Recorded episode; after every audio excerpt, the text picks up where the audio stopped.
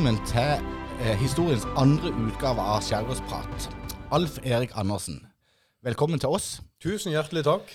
De fleste eh, kjenner deg nok aller best eh, fra ditt politiske virke og tidligere ordfører i Mandal. Eh, men òg mange kjenner deg som kjøpmann eh, gjennom Europris. Eh, og noen andre kjenner det for enda eh, flere ting. Og en av de er jo eh, Loland-mann, som er med oss her i dag. Vi skal komme nærmere inn på hva det dreier seg om. Men jeg ble litt overraska i dag, for jeg måtte jo lese meg litt opp i forkant. Og selv om jeg føler jeg har sånn tålelig grei oversikt på mye av eh, ditt liv, Alf Erik, langt ifra alt, så ble jeg overraska over at du er født i 1973. Og det er flere årsaker til det. For det første så tenker du Du er, en, du er jo en ung mann. altså Du var, du var jo en ung ordfører. Holdt jeg på å si ung ufør. det er to sider samme sak. Eh, men det som overrasker meg enda mer, er jo at det er jo samme årstallet som Jon Erik Loland er født. Eh, og det jeg syns jeg er egentlig nokså spesielt, fordi at du eh, framstår jo Mye eldre. Mye eldre. Er mer voksent det, enn Loland. det er det han vil si, ja. Jeg, jeg vet ikke om det er spesielt for meg eller deg, Loland. Det er jeg litt usikker på, men um, jeg syns vi ser... for å si sånn, Loland kunne ikke vært ordfører. Jeg har ikke vært ordfører ennå. Så Nei, altså, jeg hadde heller ingen sånn stor ambisjon om det. Det var egentlig bare plutselig så ble det bare sånn. Og nå som vi er i et uh, jubileumsår for Mandals historie, så er det jo litt spesielt å ha vært den siste ordføreren i Mandal òg. det var du òg, ja. Ja, ja, det stemmer det. Men så når Even Tronstad Sagebakken tok over ordførerkjedet, så gikk det inn i en ny periode, en ny æra. Det, I januar det året, altså, med, med Lindesnes kommune. Ja, så det ble jo en overlapping der på tre måneder, Ja. der eh, Even fungerte som ordfører for den nye kommunen Ja. før han egentlig ble etablert. Så det er liksom det amerikanske valget, at uh, Trump fikk de fire siste månedene der før uh, Ja, det er liksom litt sånn eh, Nå har jeg ikke lyst til å sammenligne meg sjøl med Trump, Nei, nei, men, nei, det var Janne fungerte i Lindesnes, Helge Sandåker i Manadal, og jeg fungerte i Mandal ut året, da. Men sånn sett, hvis en tar den historien, så fikk jo den en litt uheldig avslutning. Så jeg fikk jo skinne ti dager på rad i VG eh, akkurat i den perioden der, da. Eh, da må, det, nå må du utdype. Nei, det var Jeg Vet ikke om du har hørt ordet etterlønn og eh, stortingsboliger og gutterom og hele den pakka der. Jo, jo. Så jeg ble jo litt fanga av den, da. Å, ser du det, ja? Ja, jeg, jeg var både statssekretær i regjeringa Solberg samtidig som jeg var ordfører i Mandal gjennom desember måned. Aha, ja, nå demrer det noe. Stemmer. Men, ja, men det kan ikke ha Altså, tenker du på det den dag i dag? Er det, så, er det noe som forfølger det? Nei, i utgangspunktet ikke, da. Men uh, det er jo litt spesielt hvis du googler navnet mitt, så kommer det liksom opp eh, ørten treff om akkurat det, da. Altså, det kommer høyt opp på Google sine Ja, dessverre så gjør det jo det, da. Men uh, jeg har aldri lagt skjul på at det ligger der. Så da er det helt greit. eh, og har liksom informert uh, ny arbeidsgiver, og sånn er det. Jeg stolte på de rådene jeg fikk, og det var dessverre noen dårlige råd, og jeg burde ha gjort en bedre jobb sjøl, da. Men det var ikke sånn at du mista nattesøvnen og Ropstad gikk litt på trynet i Nei, jeg sendte han faktisk en tekstmelding også, der jeg egentlig støtta han opp. Ja. For eh, jeg kjente litt på det sjøl når dette har vært. og Selvfølgelig der er gode si, ordninger for folkevalgte på Stortinget, men de er ikke bedre etter min mening enn det de må være. For du ofrer deg 24 timer i døgnet hele året. eh, Sånn at eh, jeg følte med han virkelig. Ja. Så jeg har snakka med han etterpå òg, og, og han satte pris på at jeg sendte han en melding. Det tror jeg på. Og jeg, har, jeg reagerte jo litt på det som var nå Når vi snakker om Ropstad, disse var det flere nå, Giske og noe greier. Men jeg, følte jo det var litt sånn storm i vannglass på en måte. For det er vel nokså tydelig at det er reglement og sånn. Det var ikke så lett å tyde for, for alle på hvordan det skulle være. Nei, er, egentlig så var det ikke det. Nå er det jo blitt litt tydeligere da, nå, da. Og en stoler jo ofte på de rådene en får av, av si, administrasjonen på Stortinget og eh, kommunehjem. Og for min del da, så var jo det i nei, Justisdepartementet. Men, men det som jeg ikke, skal jeg si, som kanskje var enda verre, det er jo alle de personlige meldingene du som popper inn via Messenger og Facebook, og som er en, på kanten til ja, drapstrusler nesten. Ja, for da var man liksom en sånn notorisk kriminell. ja, altså, jeg har ikke lyst til å gjengi det her, da, men eh, en av de, det var liksom at det driten den flyter til topps. Ja. Så det var nok av de. Det er ikke bra, altså. Så det, det, er, ikke, det er ikke bare å gå rundt med ordførerkjede og sole seg glansen og være politiker. Nei, det er faktisk ikke det. Det er ganske utsatt. Eh, Samtidig så har du en viktig samfunnsrolle som gjør at du må alltid tenke deg om eh, mange nok ganger. Og har du en eh, dårlig magefølelse, så stoler du på den, og så venter du til du finner den gode magefølelsen. Og som eh, lytterne våre kan høre nå, Loland, så har vi jo å gjøre med det, det er jo ikke en tredjegenerasjons mandalitt. Nei. Eh, det er jo en stikker i Nasser. Jeg husker før i tida, så jeg, jeg hadde jo en sånn periode hvor jeg var sånn fanatisk opptatt av å være mot Kristiansand og kristiansandere.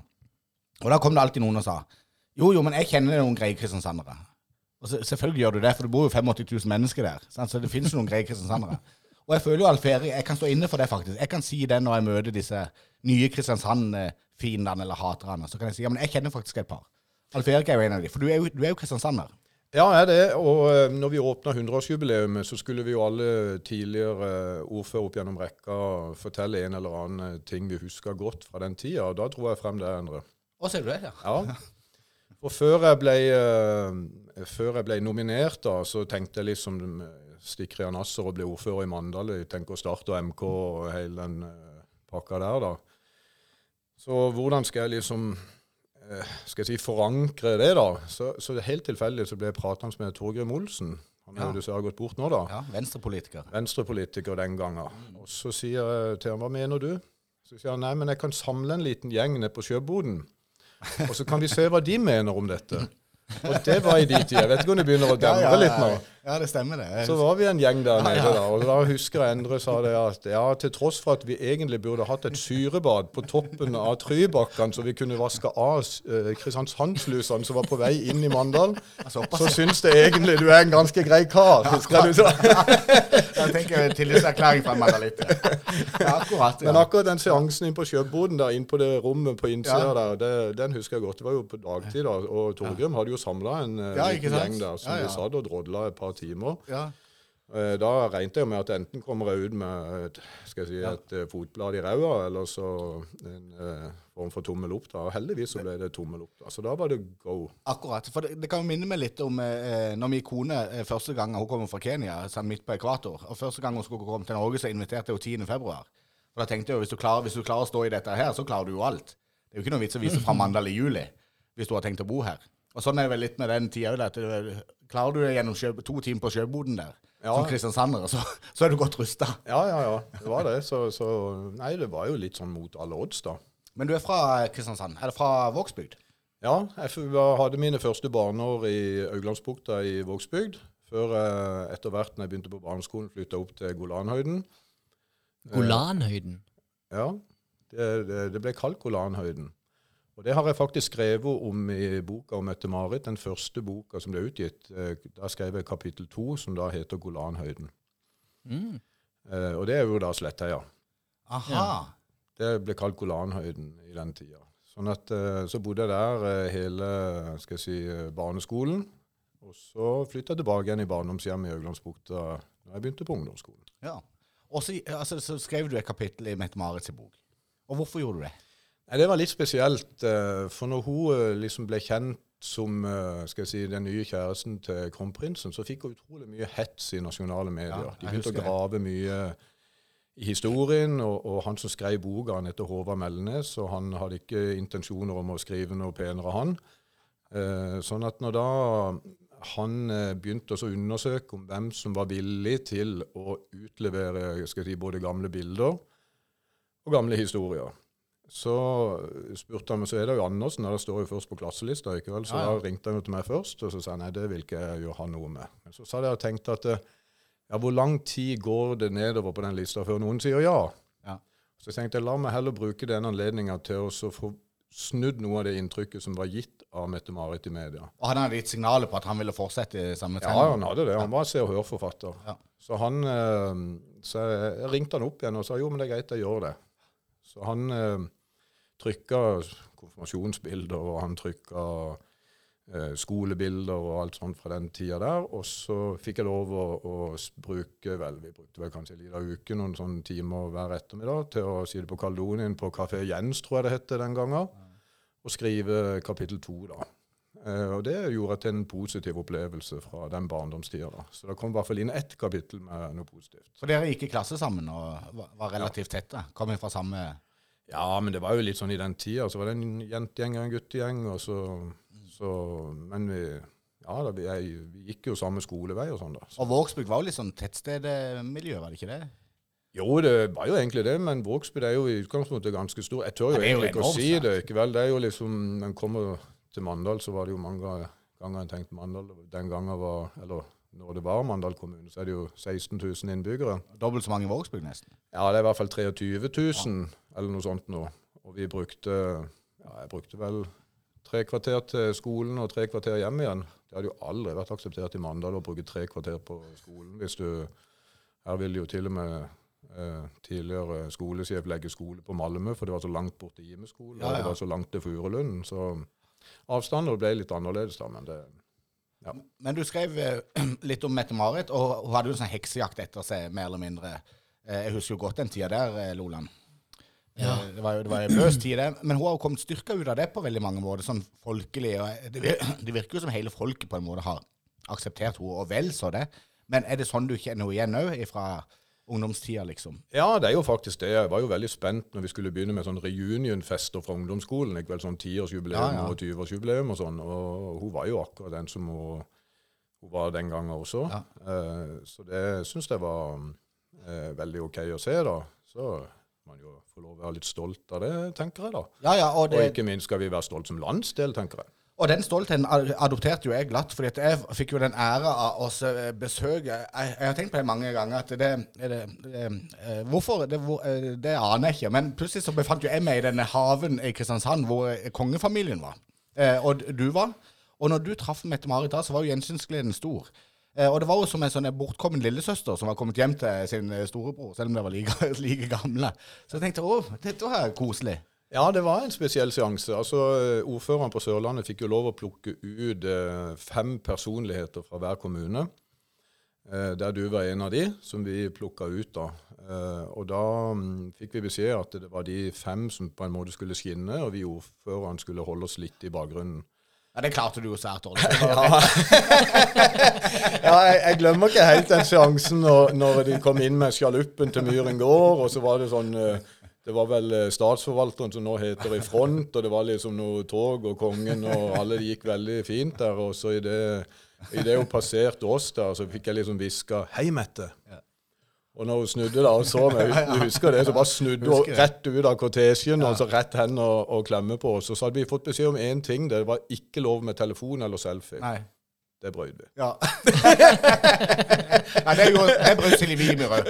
For å si det sånn, Silje Wigmyr holdt seg, og for Silje Wigmyr var jo med. Men jeg var jo eh, Det som jeg angrer mest på, det det, er jo ikke, det figurerer jo ikke ett bilde fra den dagen hvor jeg er involvert. Fordi at jeg ble jo sånn eh, hoffotograf for Silje Vigmyr.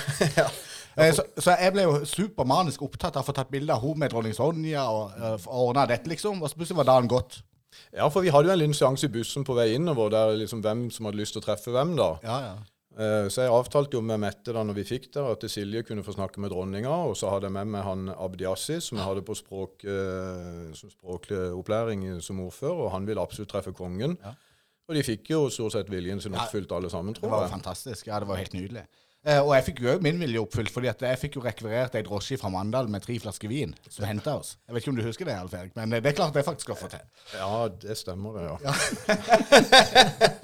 Det ble en hyggelig tur på vei hjem i den bussen der. Veldig hyggelig. Det var, det var veldig fint der inne på Myren gård. Altså Secret Garden spilte, husker jeg. Det var svære greier, dette her. Men eh, du, eh, vi må litt tilbake til ungdomstida igjen. Fordi at du, du var en atlet. Ja. Um, jeg, alltid som alle andre prøver du seg på all idrett, og jeg spilte vel egentlig fotball mest da på start. Og ehm, var vel med helt opp til juniorlaget der som keeper. Ja. Sammen med Frank Strandli og Rutford Ja. Pedersen og eh, den gjengen der, da. Så- Jeg må bare komme med en liten digresjon.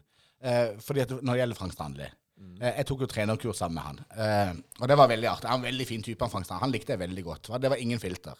Jeg tok det kurset sammen med han og Totto Dalum og noe Andreas Lund og et par av disse gamle. Eh, men da var det jo denne historien fra når han var i Leeds. Eh, og den er jo så gøy at jeg, jeg humrer hver gang jeg tenker på han. Fordi at han debuterte jo mot Manchester United og skårte jo debuten og ble jo genierklært. Eh, han gjorde ikke så veldig mye ut av seg etterpå den kampen der. Men han skrev reisebrev hjem til Fevennen eh, og åssen eh, fotballprofflivet var i England. Og da anbefalte han alle å prøve ut det der ølet pint. Ja, ja, ja. Hvis de var på tur til England. Det, det, det er godt skrift. ja. Det var en kulturopplevelse. Ja, det er det. Frank er vel egentlig den eneste har For det er som du sier, han har begge beina godt planta på jorda, så han er det egentlig den eneste jeg har kontakt med den dag i dag, da. Fra den eh, gamle gjengen der, da. Han drev pizzabaker en periode. Ja ja, eh, på Brennåsen. Han drev eh, Frank har drevet med mye. Ja, ja. ja. Drev, eh, importerte joggesko og solgte mye joggesko og sånn en periode også. Så mm, ja da. Han, eh, jeg tror han holder på med pizzabakeren ennå, så vidt Akkurat. jeg kan huske. Men det var jo ikke Det var noe sykkel. Ja, for du kan si det at det... Ikke bare noe det- sykkel, Olan. Nå er du veldig mandalsk. Det var- Men bare for, men bare for å komme inn på Jeg har det. du på blokka her at det er jo langt mer enn noe sykkel. Ja, så, eh, nei, altså jeg frustrerte meg, eh, altså jeg irriterte meg så over hver gang vi tapte. Og hvis du da skal spille på et lag som eh, av og til taper, av og til vinner, og du blir forbanna hver gang du taper eh, Jeg var ikke forbanna på andre enn meg sjøl, for jeg var keeper. Det var jo stort sett min skyld at vi tapte, for da betyr det jo at de andre skårer flere mål, da, tydeligvis. Ja. Så da fant jeg ut jeg får heller begynne med noe som jeg kun kan skylde på meg sjøl, og ikke liksom på at et lag som enhet er dårlig, da. Eh, så da drev jeg og skru mye på sykler, og så fant jeg en gammel damesykkel, en sånn tigirs damesykkel. Og den eh, malte jeg helt sort. Og så stilte jeg opp på fellestrening i Kristiansand sykkelklubb med en Tigers damesykkel i gummistøvler og joggedress. Og, og, og, og gammel var du da? Nei, da var jeg faktisk ganske gammel egentlig. Jeg var vel 12-13 år. Ja, ja. Eh, Så jeg gjorde jo det i tillegg til å spille fotball. da. Eh, Sånn at, eh, Så utvikla det seg etter hvert, da, og pappa sparte og sparte etter hvert. Så jeg fikk meg en ny sykkel når jeg var 15 år. Veldig stolt av den. Den var jo så svær, for jeg måtte jo ha noe å vokse i, som den alltid gjorde før. Det var jo sånn foreldrene var før. Når du skulle ha klær, så måtte du vokse i det. Og den sykkelen hadde jo ikke passa den dag i dag. vet du. Den hadde jo vært altfor svær. Så da ble det egentlig mer sykling og mindre fotball.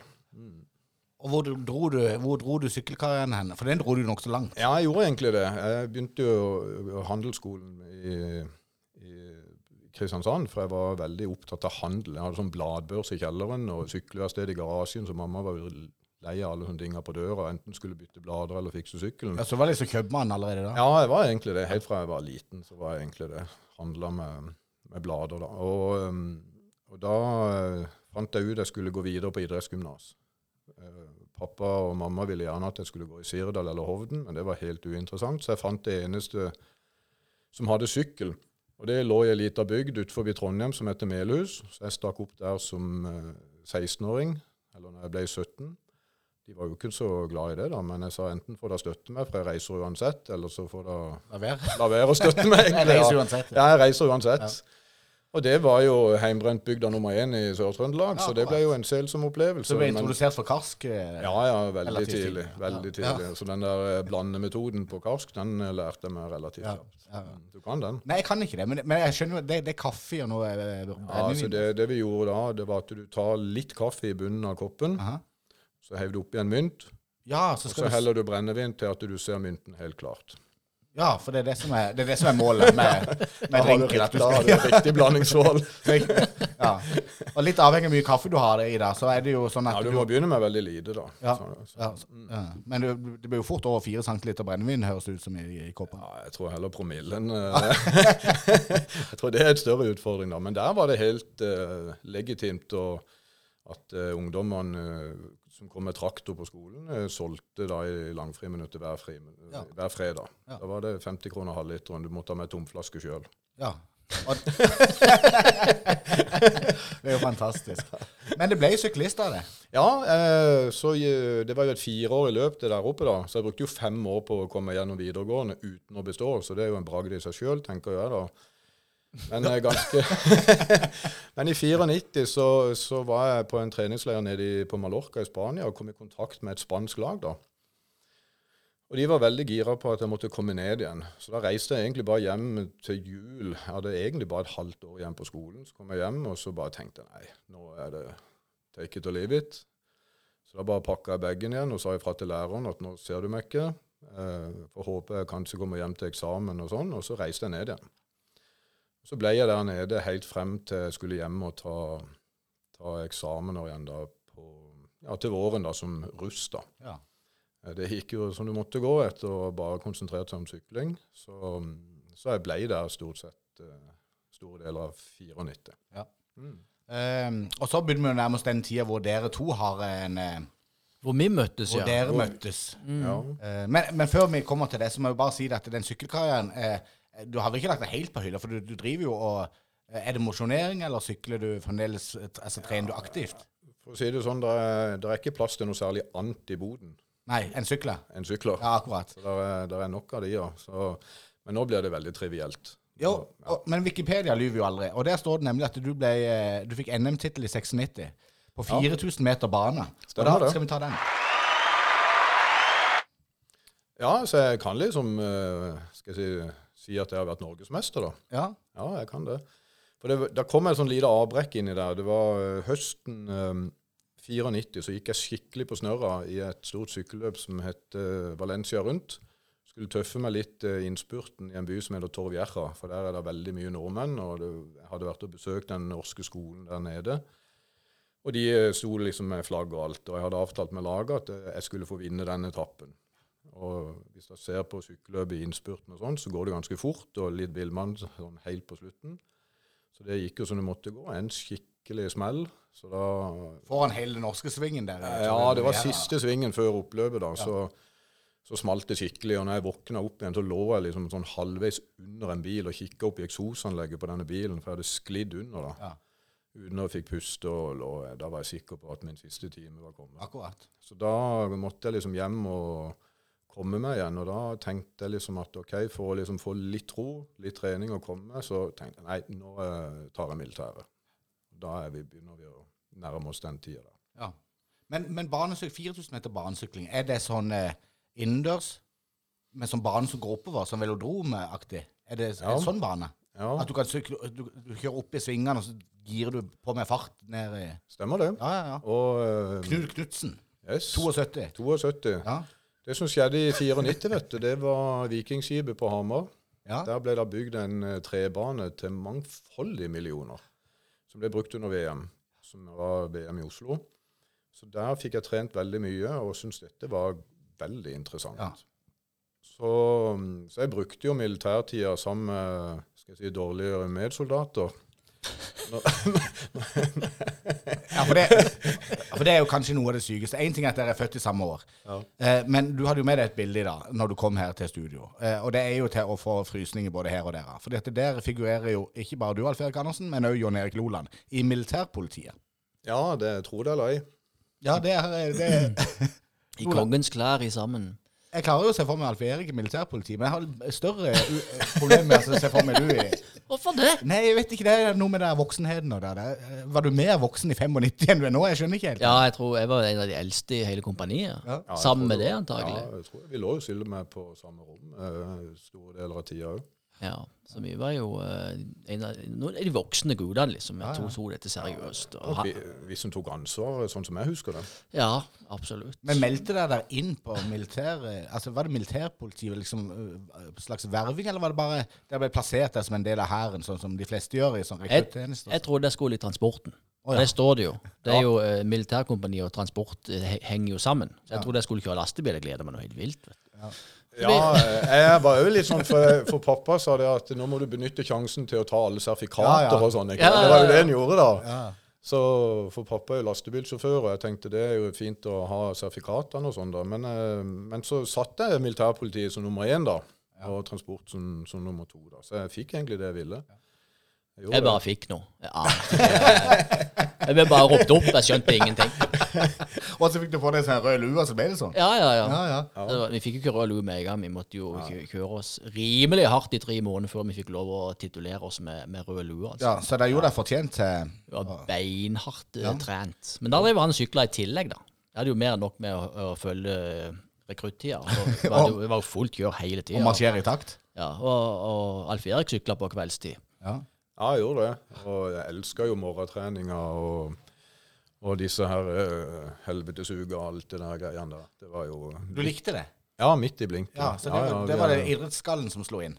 Ja, det var jo egentlig det. Det var jo skal jeg si, eh, ønsket om å prestere for seg sjøl, da. ja. Vinne over seg sjøl. Det var jo egentlig det det handla om i militæret. Du vant jo ikke over noen andre enn deg sjøl.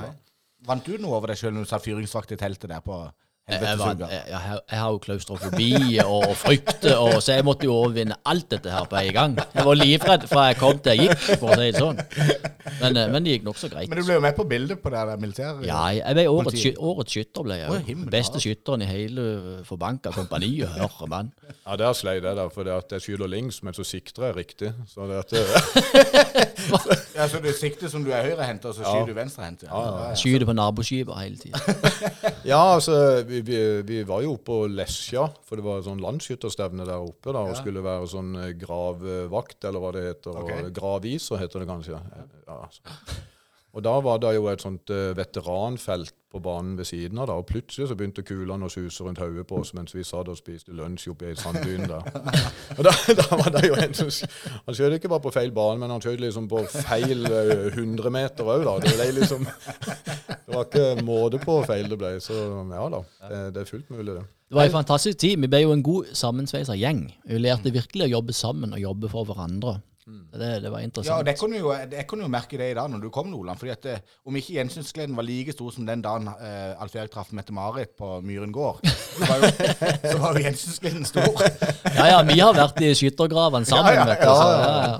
Ja, ja. Men ja, du. Kanskje du skal få han til å skrive kapittel to i din bok? ja, det, det skal du ikke se bort ifra. Ja, det er ikke sikkert den er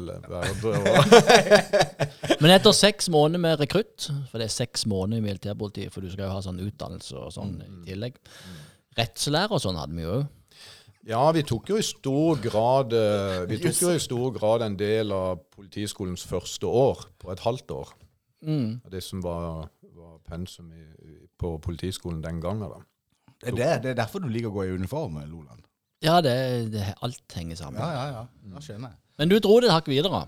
Jeg da- gjorde det. Så jeg verva meg til Telemarksbataljonen og den styrken der, og havna på Heistadmoen.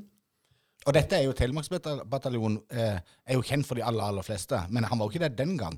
han, var helt, var han var helt ny. helt fersk Ja, det var eh, helt fersk. Ja, det var det. Jeg husker vi hadde sånn artikkel i Vi menn, da. Det var liksom Norges Ah, nye ja. elitesoldater, da. Ah, ja. Så, så jeg syns jo det var stas, men det var knalltøft. Altså, for, for veldig mange som er i militæret, så er jo rekruttida den, eh, si, den tøffeste, og så resten av tida ligger du med beina på bordet og gjør stort sett ingenting. Ja. Men for oss så var det jo da det begynte. Ja. Da var vi stort sett i telt eller i Nord-Norge eller på øvelse eller eh, rundt forbi da, det siste halvåret, så det var knalltøft. Eh, Men så verva jeg meg for eh, videre for fem år til, da. Ja. Og dette var jo ikke i hvilken som helst tid. Vi lever jo, det, er jo stadig vekk anspente tider rundt forbi Europa, men i 95 så var det jo en svær krig på Jugoslavia, gamle Jugoslavia. Ja, det begynte jo å dra seg til, og, og jeg husker jeg satt hjemme, for vi, vi var jo sånn eh, Vi var jo ikke ute i eh, skal jeg si, ute i feltet hvis ikke det var nødvendig. Eh, Og jeg husker i Jeg tror det var inn i 96 jeg fikk liksom beskjed om å måtte forvente å møte, for da var det liksom ned til Bosnia, da.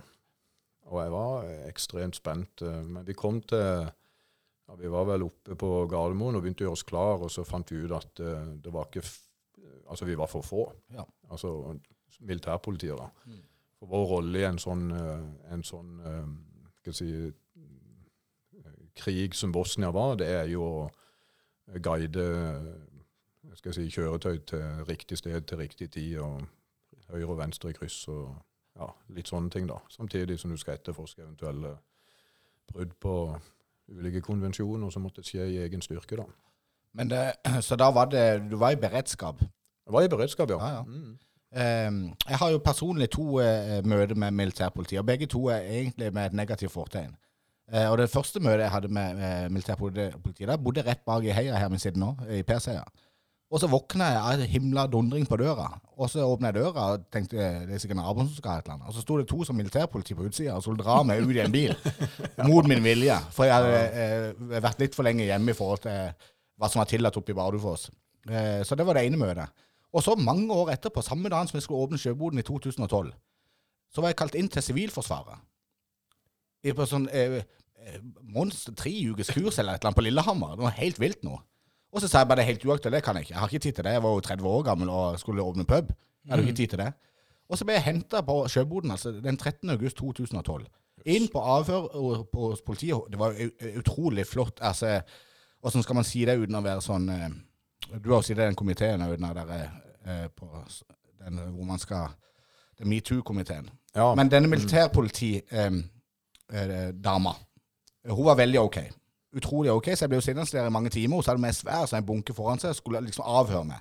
Så jeg legger alle kortene på bordet. Jeg er skyldig i alle tiltalene. Og så sto det i avisen dagen etterpå at uh, Mandalitt, 30 år, dømt dømt eh, i krigsrett. Ja. Det fikk, så det fikk jeg på meg. Og da ringte Atle Lund, en kompis av meg. Så sier han det må være det, Thomsen. Og det var det jo selvfølgelig. Han kunne ikke se for seg noen andre som hadde greid å bli dømt i en krigsrett.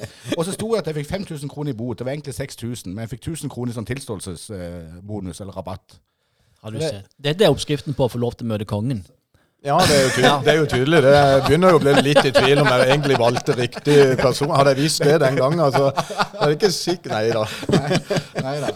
Nei, men jeg er jo veldig glad for at jeg sitter sammen med to staute eh, tidligere MP-er. dette er ditt tredje møte med Ja, det er det, og dette er jo langt hyggeligere. Så langt. Du må jo føle deg veldig sikker. Jeg, jeg husker en gang jeg var på sånn livvaktgreie med kongen da han skulle opp og inspisere en øvelse da sammen med Jørgen Kosmo, som den gang var forsvarsminister. Ja. Og da syntes Jørgen Kosmo dette var så utrolig kjedelig, så han stilte seg bak et tre, og så sto han der og røykte rulling, så han var helt sånn gul i ansiktet. For han hadde ingenting til overs for Forsvaret den gangen. for til, til tross for at han var forsvarssjef, så var han sjøl militærnekter, så det var jo en ganske spesiell Han er, Går det an? Ja, det er tydelig, det. En grei kongefamilie vi har. Ja, ja, ja. Neida. Ja. Nei, så, så fortsatte jeg å sykle inn i 96, da. Ja. Og ga på igjen, og klarte faktisk å bli norgesmester da i, i 96. Så det, det var utrolig. er jo stort. Ja, det var stort. Men det var på Knut Knutsen sin gamle treningsbane oppe i Levanger. Å, sier du det? Mm. Yes. Eh, og det er klart at det er et ambivalent år. For det, på det, i det ene øyeblikket så er det på vei til Bosnia. Eh, Mm. I en av de største krigsforbrytelsene vi har sett i moderne tid. Og så måned etterpå så blir du norgesmester på banesykling. Ja, men det var egentlig det som var så fint med å kunne på en måte være delvis subsidiert av Forsvaret og samtidig være hjemme og trene. da. Ja. Så det, det gikk egentlig greit, det. Eh, men så skjedde det noe eh, i 96. Det var det at det var eh, fem orienteringsløpere i Sverige som fikk et virus på hjertet som heter tvar. Og de Ja. døde alle fem. Oi. Eh, men det spredde seg jo allikevel inn i veldig mange idrettsmiljøer. Ja, jeg husker Eh, det. Men da gikk det over til å eh, gå på lungene, da. Ja. Så da fikk jeg det høsten 96. Eh, og da reiste jeg ned igjen til Spania rett før jeg, jeg fikk det, for å skulle tilbake igjen på det laget jeg hadde sykla før. Og hadde veldig store ambisjoner om å, å sykle der nede. Men å komme ned der med et sånt tvarvirus på lungene, og så skal prestere, Ja. for det er vinn eller forsvinn når du kommer ned der, Ja. Så skjønte jeg fort at det, det går ikke. Så, så var det en som ringte meg og spurte om jeg ville ha jobb hjemme i Kristiansand da. Så sa nei, det er uaktuelt, for jeg skal bli sykkelproff. Ja. Så det har jeg ikke tid til. Men jeg skjønte jo fort at uh, jeg ringte han opp igjen eh, en måned senere og lurte på om den jobben var ledig ennå. Ja. Så det var tvar som satte stopper for Ja, det var egentlig det. altså. Tvar og kyssesyke. Det var, kom liksom alt på løpende Men det er kulere med Tvar. Ja, Det, hø det høres mye tøffere ut sånn i ettertid. Det, kan ikke ha vært noe særlig å oppleve det der og da. For det var jo alvorlig. Jeg husker jo når Tvar kom, det var jo, det var jo som den eh, epidemien eller pandemien vi har vært gjennom nå. eh, altså, det var virkelig alvorlige greier. Ja, det var det, for det var, han var så lumsk. Ja. Du, du ble jo liksom ikke alvorlig syk. I hvert fall eh, de aller fleste ble ikke det. Litt sånn som korona. Men eh, noen ble jo det òg. Men, men du, du ble bare ekstremt redusert. Ja. Over lang, lang tid. Så kom du tilbake til Norge. Nå har du blitt 23 år.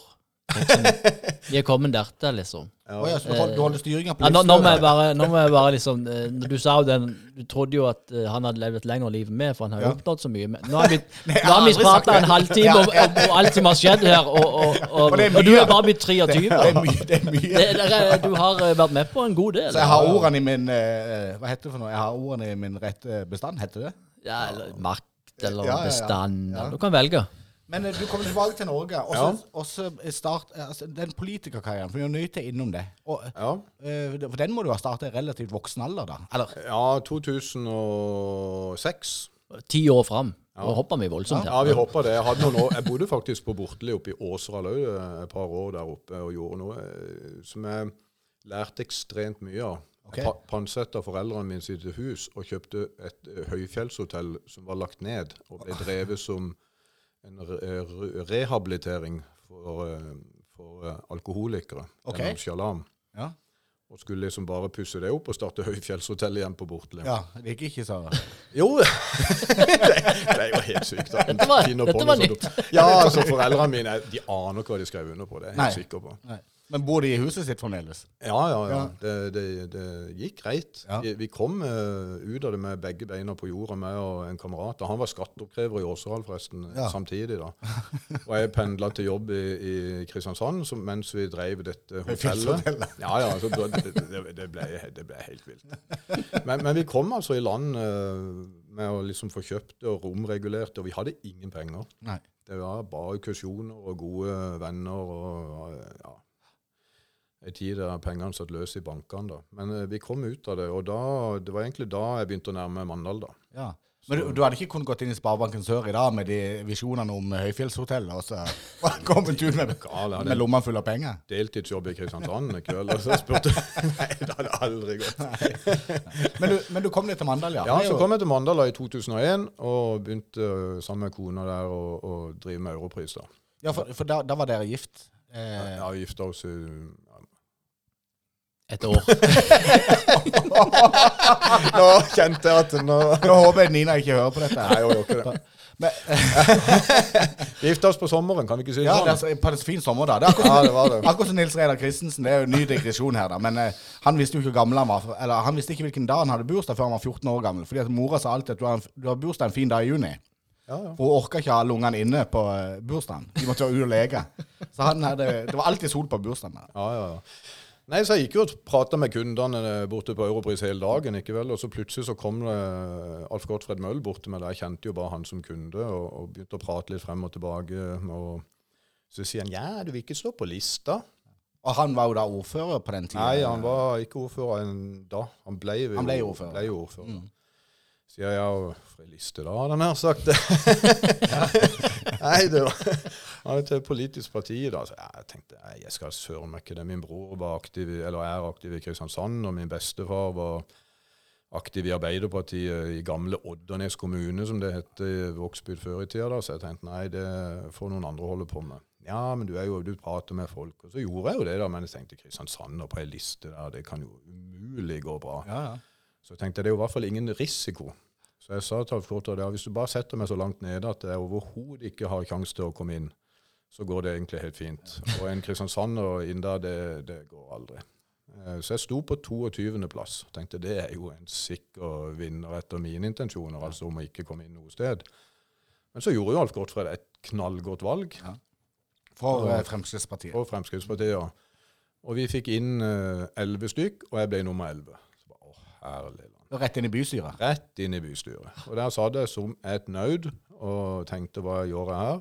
Men da må folka eh, hooke det av for at du skal rykke opp. Ja, ja, ja. Sant? Jo, men det jeg ikke tenkte på, det er jo det at det går jo å snakke med kunder Ja, gjester, det, er jo kundene på Europris som Ja, har fått det inn. Ja, men jeg tenkte jo ikke at det jeg- Altså, jeg kjente jo ikke kundene. Nei, nei, men vi kjente det. Da, det tenkte Ja, jeg på. Du, du, visste jo, du visste jo at kundene dine er jo hele Mandals befolkning. Ja, altså, jo, men du, du går jo der i de egen bobler og, og snakker med alle mulige mennesker, og noen ser du flere ganger i uka der inne, men du kjenner de jo bare som kunden, i kveld. Men du tenker liksom ikke motsatt, da. Nei, nei. Så, så da gikk det jo som det måtte gå, da. Og, og så var det mm, Til slutt så var det en eller annen sak, jeg husker ikke hva det var, som jeg prøvde å lure meg opp på talerstolen. Jeg var altså så nervøs, og jeg visste ikke hva jeg skulle gjøre av meg. Jeg hadde ikke sovet natta før. og hadde gjort meg klar til å gå på den talerstolen, da.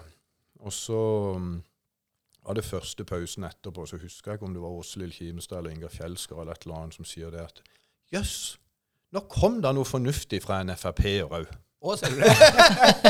De hadde venta no, noen år på det. Ja, nei, det tror jeg ikke. Men, men det var noe sånn i den døren. da, var ikke det at de andre var ufornuftige, da, men det var liksom. Så jeg tenkte ja, ja. Får jo prøve en gang til, da. Og da gikk det jo som det måtte gå, da. Så da ble jeg møteplag og ja. Det var gode lagspillere i, i Kimestad og i Fjellsgård, da. Ja, men det er utrolig godt eh, skal jeg si, eh, miljø blant politikerne. Ja. Men det var jo mange perioder så ville jo jeg si, både redaktører og journalister prøve å få det til å fremstå som at det var bare krangling og, Ja. og tjo og hei. Og det syns jeg er litt dumt, for det skaper bare si, negativitet for kommunen som kommune. Ja. Eh, for I det politiske miljøet så er det stort sett godt humør, godt miljø, godt kameratskap. Det, det er inkluderende. og vi er gode venner. Ja. Eh, sånn at det Og når vi spiser rundstykker av og til i pausene, så sitter vi jo ikke partivis. altså Da blander vi oss og, og koser oss som kollegium. Og Ja. det syns jeg er veldig, veldig bra. Så på Stortinget så er det jo ikke sånn, f.eks. Da sitter du jo partivis. da. Setter du deg på feil bord der, så merker, du, du merker det? Det kommer en Ja, kjølig vind du over merker det. Ja. Jeg, satt meg på KrF sitt bord en gang. Oh, ja. det, det var ikke poppis. De, de hadde hørt om den karsken, vet du. ja, det var det De hadde hørt om karsken ja, oppe, oppe i Melhus. Men du er, jo, du er jo fra Kristiansand, så det, apropos det, for det debattklimaet, det politiske klimaet som har vært i Kristiansand de siste årene. For Du nevnte jo det at Lindesnes Avis eller lokalavisen og litt sånn utenfra hadde prøvd å vigle litt opp til litt sånn krangling innad i det politiske miljøet. Eh, sett utenfra så har det jo pågått sånn i i Kristiansand i noen år nå. Eh, Spesielt med noen type medier, da, som, eller eh, på sosiale medier, som har eh, skapt et vanvittig Ja, altså Sørlandsnyhetene har jo skapt et uh, innhogg, det. Og det sier jo bare bare, hvilken makt som ligger i det store internettet. Eh, sånn at uh, jeg kan ikke si jeg misunner Jan Oddvar Skisland der inne. Eh, det er selvfølgelig krevende tider, men, men samtidig så er jo media sin rolle oppi dette her. og Det er jo ikke å være snille med de politikerne der. Det er jo tydeligvis å sette de i et så dårlig lys som overhodet mulig. Ja, og så er det jo en balansegang. Eh, fordi at det, Man skal jo helst også invitere til at unge, fremadstormende politikere skal ha lyst til å sitte i et bystyre og være med på å forme samfunnet og sånn.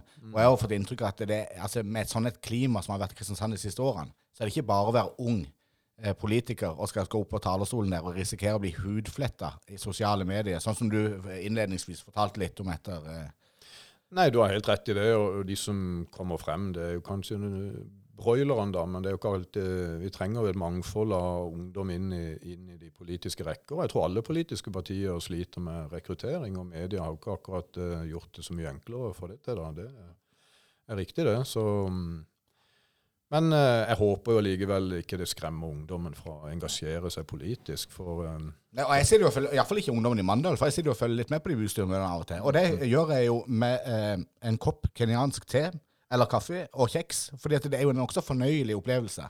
Altså Det er nokså fin stemning, eh, vil jeg jo påstå å si. Eh, Sett fra utsida, så kikke inn i Mandal bystyre, eller Lindesnes vel sånn. jeg venter jo bare du skulle si du tok frem popkorn òg, da. Ja, det er ikke langt. ja, det gjør jeg hvis jeg skal inn på Sørlandsnyhetene. Da er det Ja, ja, popkorn det og lese kommentarfeltet. Ja. Men det er nokså fornøyelig å følge med det politiske miljøet i Mandal, det må jeg jo si. Men for, tilbake til livslinja, som Loland er litt opptatt av. Ja. Eh, For i 2006 så gikk du ifra å preike med kundene på Europris om eh, vær og vind og politikk og det som var, og eh, eh, Møll eh, fikk uh, verva deg inn i politikken. Mm. Og så gikk det jo utrolig kjapt ifra å sitte på bakerste benk som nummer 11 på, i bystyret, altså i Frp-gruppa, til å bli ordfører. Ja, det gjorde det. Og jeg tror nok alltid, helt siden jeg var liten, så har jeg vært en sånn form for Jeg har liksom ofte tatt en sånn lederrolle, da. Eh, og etter hvert så, så begynte jeg å engasjere meg litt, og så skjønte jeg jo egentlig veldig fort at uh, i politikk så er det ofte sånn at kunnskap er makt. Og hvis du bare gidder å, å tilegne deg litt kunnskap, og har uh, evne og vilje til å uh, dele kunnskapen med de andre på gruppemøter og sånne ting, så, så tar du noen skal jeg si, kvantesprang med en gang, da. Ja. Så du satte deg inn i tingene. Uh, og det, det minner meg litt om uh, den serien som går på NRK for tida, som heter Folkevalgt. Ja. Jeg vet ikke om du har sett det, men disse Jo, unge politikerne. Og Der er jo Ingvild uh, Thorsvik blant annet med. Men der var det jo en eh, nydelig fyr fra eh, Sk- Skotøy, Skåtøy, ut forbi Kragerø, for Rødt. Eh, først eh, fra Rødt eh, fra Telemark, rett inn på Stortinget, 25 år. Men han sa jo det veldig fint, for han skulle liksom dressere disse unge Rødt-politikerne. Og da var liksom pri én, det var kunnskap. Sant? De, må, de må sette deg inn i hva vi snakker om. Ja. Altså, Ja, er makt. det er jo viktig, for hvis ikke så blir det ofte sånn eh, drosjekøopplegg. Eh, sånn at jeg var veldig opptatt av, og det er jeg fortsatt, eh, opptatt av å verifisere de, de, eh, si, de eh, informasjon eller opplysninger du får fra, fra innbyggeren. For det er jo kanskje den viktigste rollen du har som politiker. Det er jo eh, evnen til å motta innspill fra innbyggerne. Ja. Det, er jo, det er jo egentlig hele rollen vår. Eh, men samtidig også omsette det med kunnskap eh, i bånn til, til å kunne løfte innbyggerne sine utfordringer til enhver tid. Da. Så det brukte jeg ekstremt mye tid på som ordfører. Ja. Jeg måtte jo til og med rive ned en vegg og få inn en ny dør. Ja, akkurat såpass, ja. Ja, for rådhuset var jo sånn låst. Ja, ja. Du måtte henvende deg hit og dit og avtale her og der. Men eh, Så du åpna litt opp. Eh, Du tok opp tråden ifra Hvem var det tidligere ordfører som var veldig opptatt av den der eh, benken? Kan du huske det? Så han sånn benk i bymiljøet, og så kunne du sette deg ned med ordføreren og så ta en prat. ja, ikke det Linseth, eller? Var det Knut Linseth? Ja, det, det, Ja, det ja, det overrasker meg ikke hvis det var det. Nei, jeg tror det var det. Men det med kunnskap og sånn, for det kan jo hø fort høres litt sånn tørt og kjedelig ut. Og så er det jo sånn i alle slags politiske partier at man skal jo eh, til en viss grad være såpass populistisk i tankegangen òg at man greier å dra med seg eh, folket. Ikke sant? Så man må jo av og til trykke på noen knapper som nesten øker underholdningsverdien òg.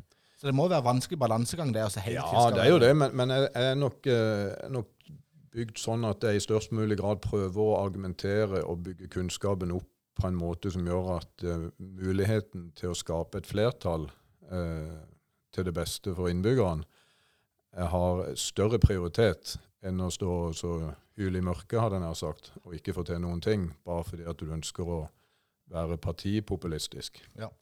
Uh, sånn at det Jeg prøver liksom alltid å, å skape det flertallet som er nødvendig.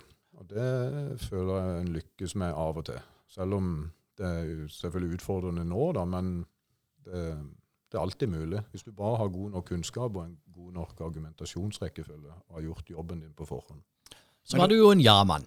Skal jeg si det? Ja, Ja, ja, si, fordi at er mange som er flinke til å si ja, men de gjør ikke noe med det. Ja. Men vi skulle jo smelle i gang et sånn barneteater med og Svein og Katrine. Ja.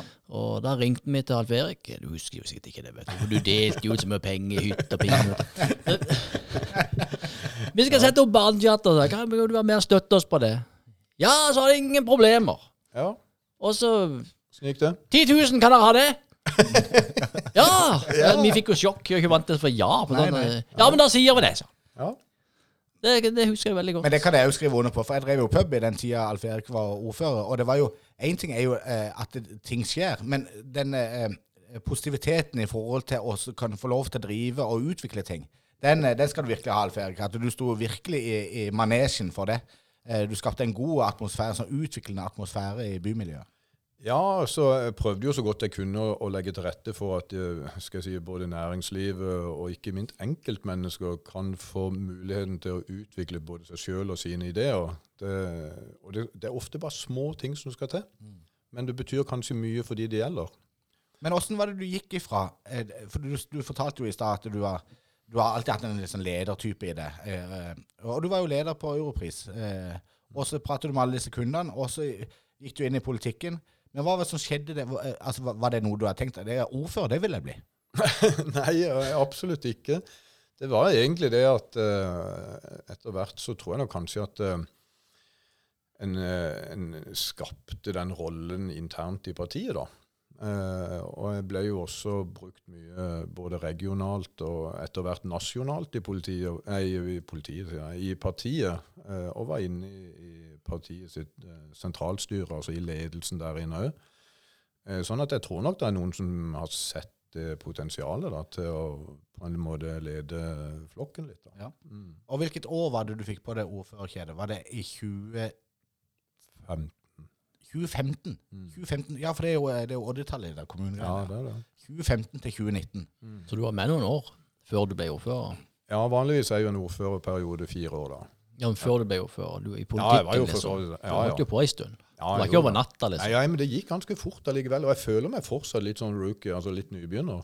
Føler du det i- den dag i dag? Ja, Du har ja, vært ja. på Stortinget og alt mulig. Ja, fremdeles ja. vara på Stortinget. Ja, på Stortinget har jeg jo nå vært to dager som stortingsrepresentant. Da har jeg følt meg som nybegynner første dagen i hvert fall, og så følte jeg meg som møteplager andre dagen. Så, Ja, men da har du antakeligvis gjort en god figur, for jeg har jo hørt om de som har sittet tolv år på Stortinget uten å ha vært møteplagere. Ja, ja, Første dagen så hadde jeg skre, håndskrevet tale. da, Ja. og Det var om eh, pensjonister og pensjonisters rettigheter til å forhandle om pensjonsoppgjøret. Ja. Så Det var jo en ganske heftig sak.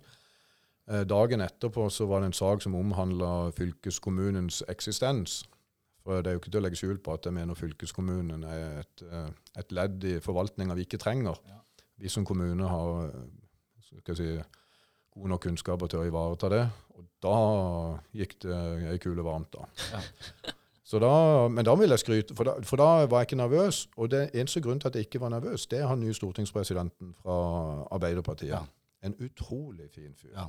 Altså Når du da kommer som nybegynner og skal liksom stable deg opp de der to trinnene opp til den talerstolen, og så gi han et nikk og sånn, og du ser en sånn godslig fyr som bare står der og liksom Ja, ja. tar deg imot på talerstolen med hele sitt kroppsspråk, ja, det var helt fantastisk. Da Hva- det bare sank pulsen. Men hva du sier da før du skal snakke? Er det ærede stortingspresident, er det det? Nei, du sier bare president. President. Mm. Og så eh, kan du snakke.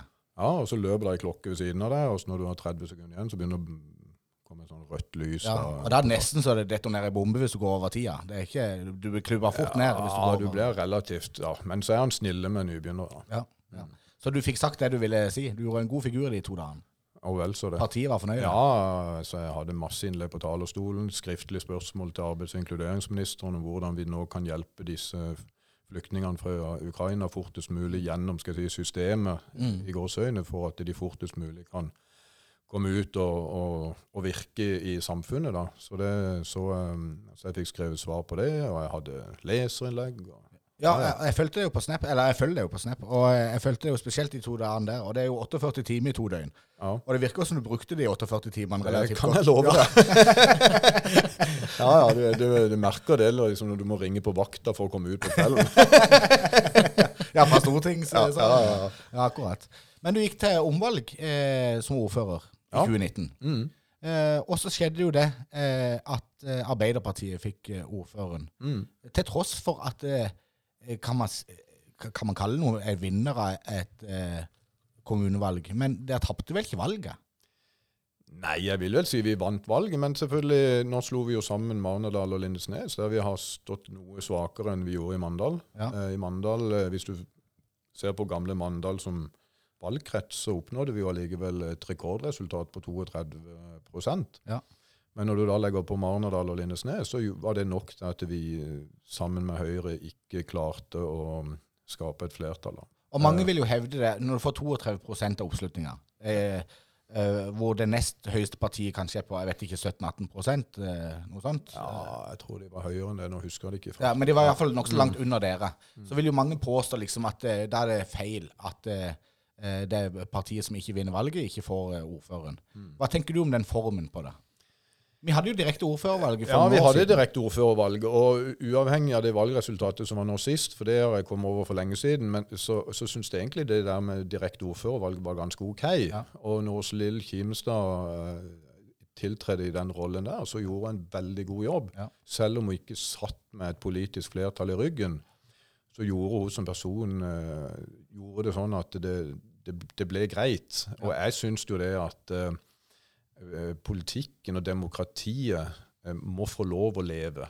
Eh, og ikke være sånn at du er bundet til masta fordi at du har inngått i et eller annet eh, konspiratorisk samarbeid på bakrommet Ja. som gjør at du må svelge kameler hele tida. Så jeg syns derfor den rollen er mye bedre, fordi at da får du et levende demokrati. Ja. Der alle partier kan stemme på det de faktisk mener til enhver tid, fremfor at de må liksom hele tida stemme det noen andre bestemmer at de skal stemme. Derfor så liker jeg direkte ordførervalg. Men var det øh, Kan du huske Husker du det direkte ordfører? Det var veldig gøy. Jeg var på et par debatter Ja. der. Og da husker jeg jo Du nevnte jo Torgrim Olsen. Han var jo ordførerkandidat for Venstre, hvis jeg ikke husker helt feil. Mm. akkurat da. Eh, men eh, det ble jo, det, så ble det ikke noe eh, direkte ordførervalg noe mer. Men var det sånn nasjonal bestemmelse at nå skulle liksom alle kommunene ha direkte ordførervalg? Eller hva som prøveprosjektet er? Ja, altså Mandal har jo vært veldig fremme i skoene på en del sånne pilotprosjekter. Og det med direkte ordførervalg var Mandal med på som en prøve, eh, ut ifra Kommunaldepartementet som hadde den. Eh, Så ble ikke det noe. Eh, På et senere tidspunkt så var jo også Mandal fremme i skoene der vi testa eh, digitalt valg. Og vi testa også valg for 16-åringer. Ja.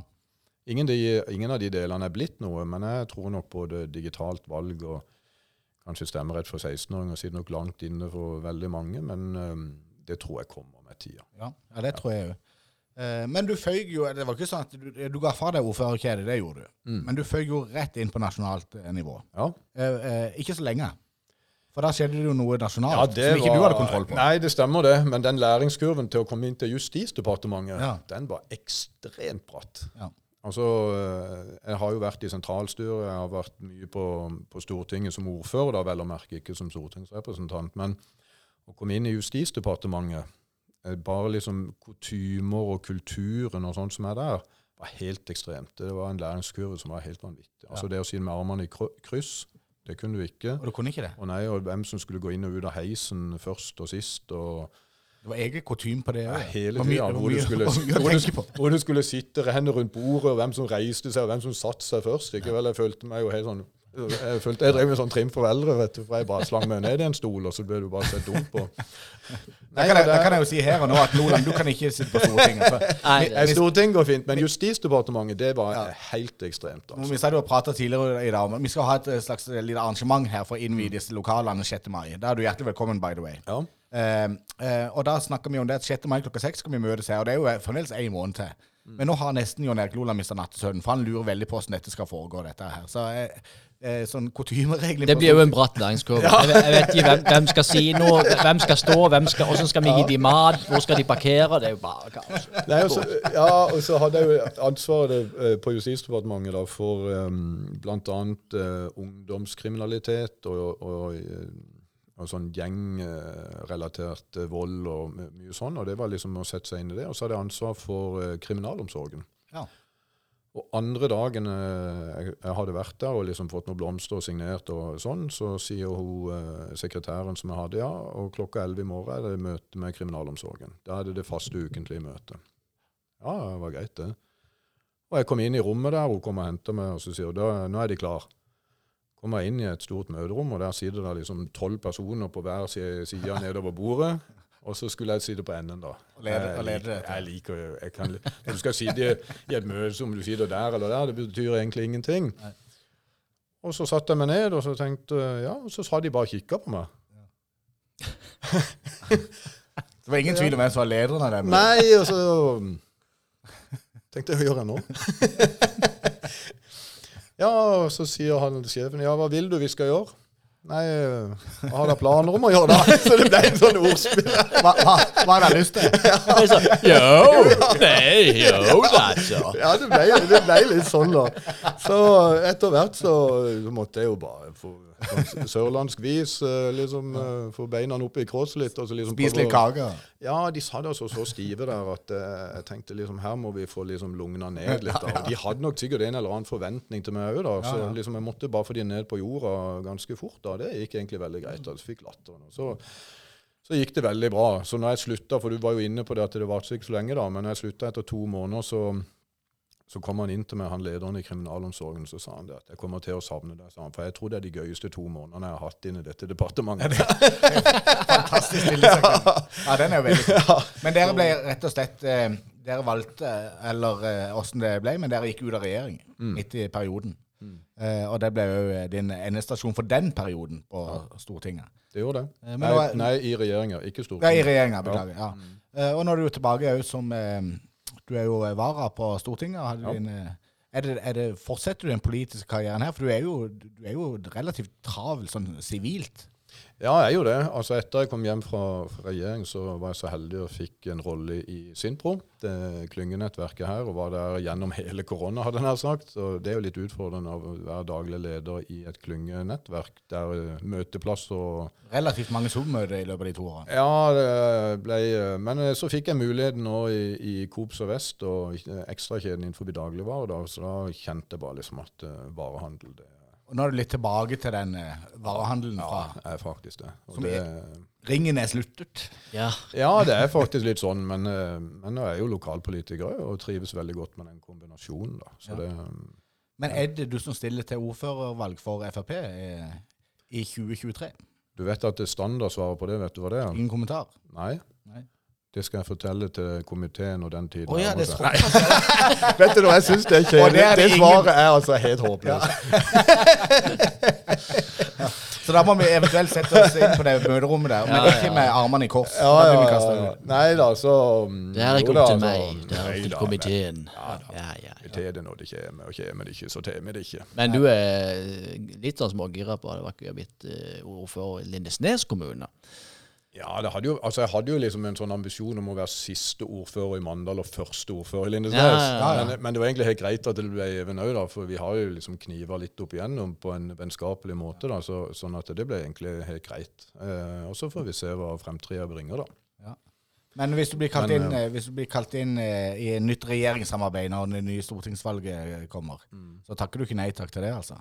Det å være i regjering var veldig spesielt og utrolig spennende, men det er jo i hvert fall en livsstil. Altså, Snakk om å jobbe mye. altså jeg, jeg var på, De måtte faktisk endre vaskerutinene på Justisdepartementet.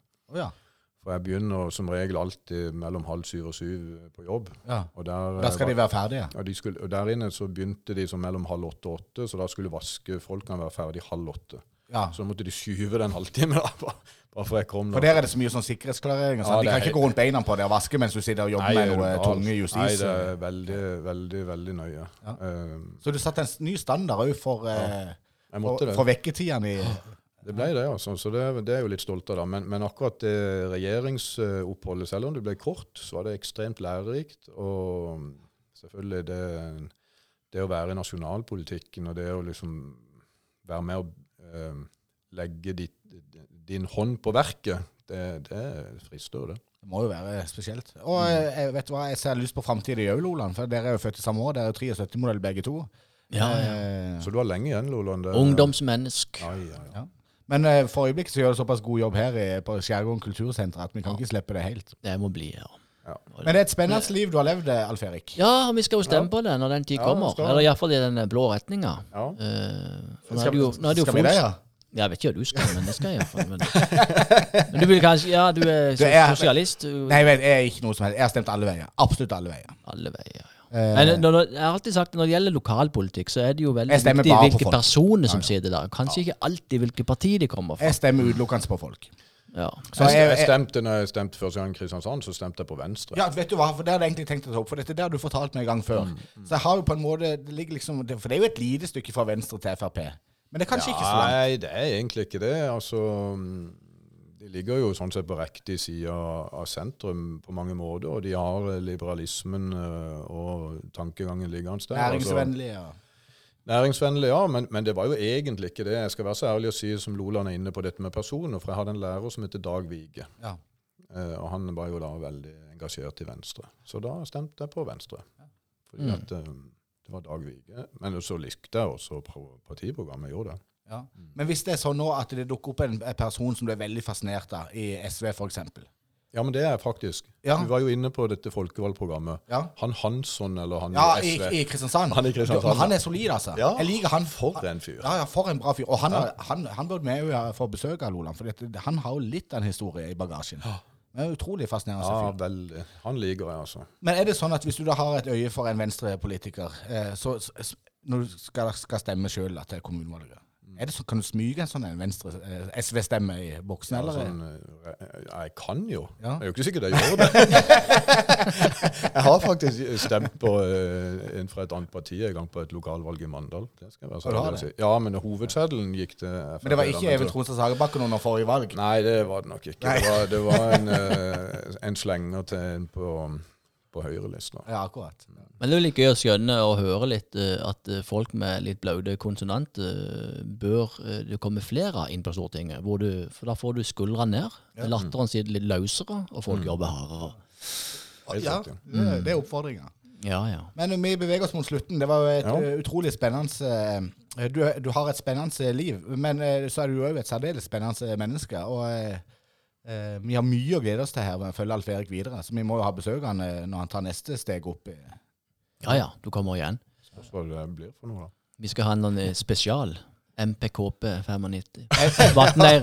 MK, på, MK på KP 95. Ta, ja, eh, eh, Militærkompaniet 1995. jeg åpner absolutt opp for det, hvis det er sånn at han tar med seg Mette-Marit hvis hun er her nede. Ja, ja, men det går fint. skal vi fikse. Men tusen takk for at du kom, Alf Erik. Bare hyggelig. Hei.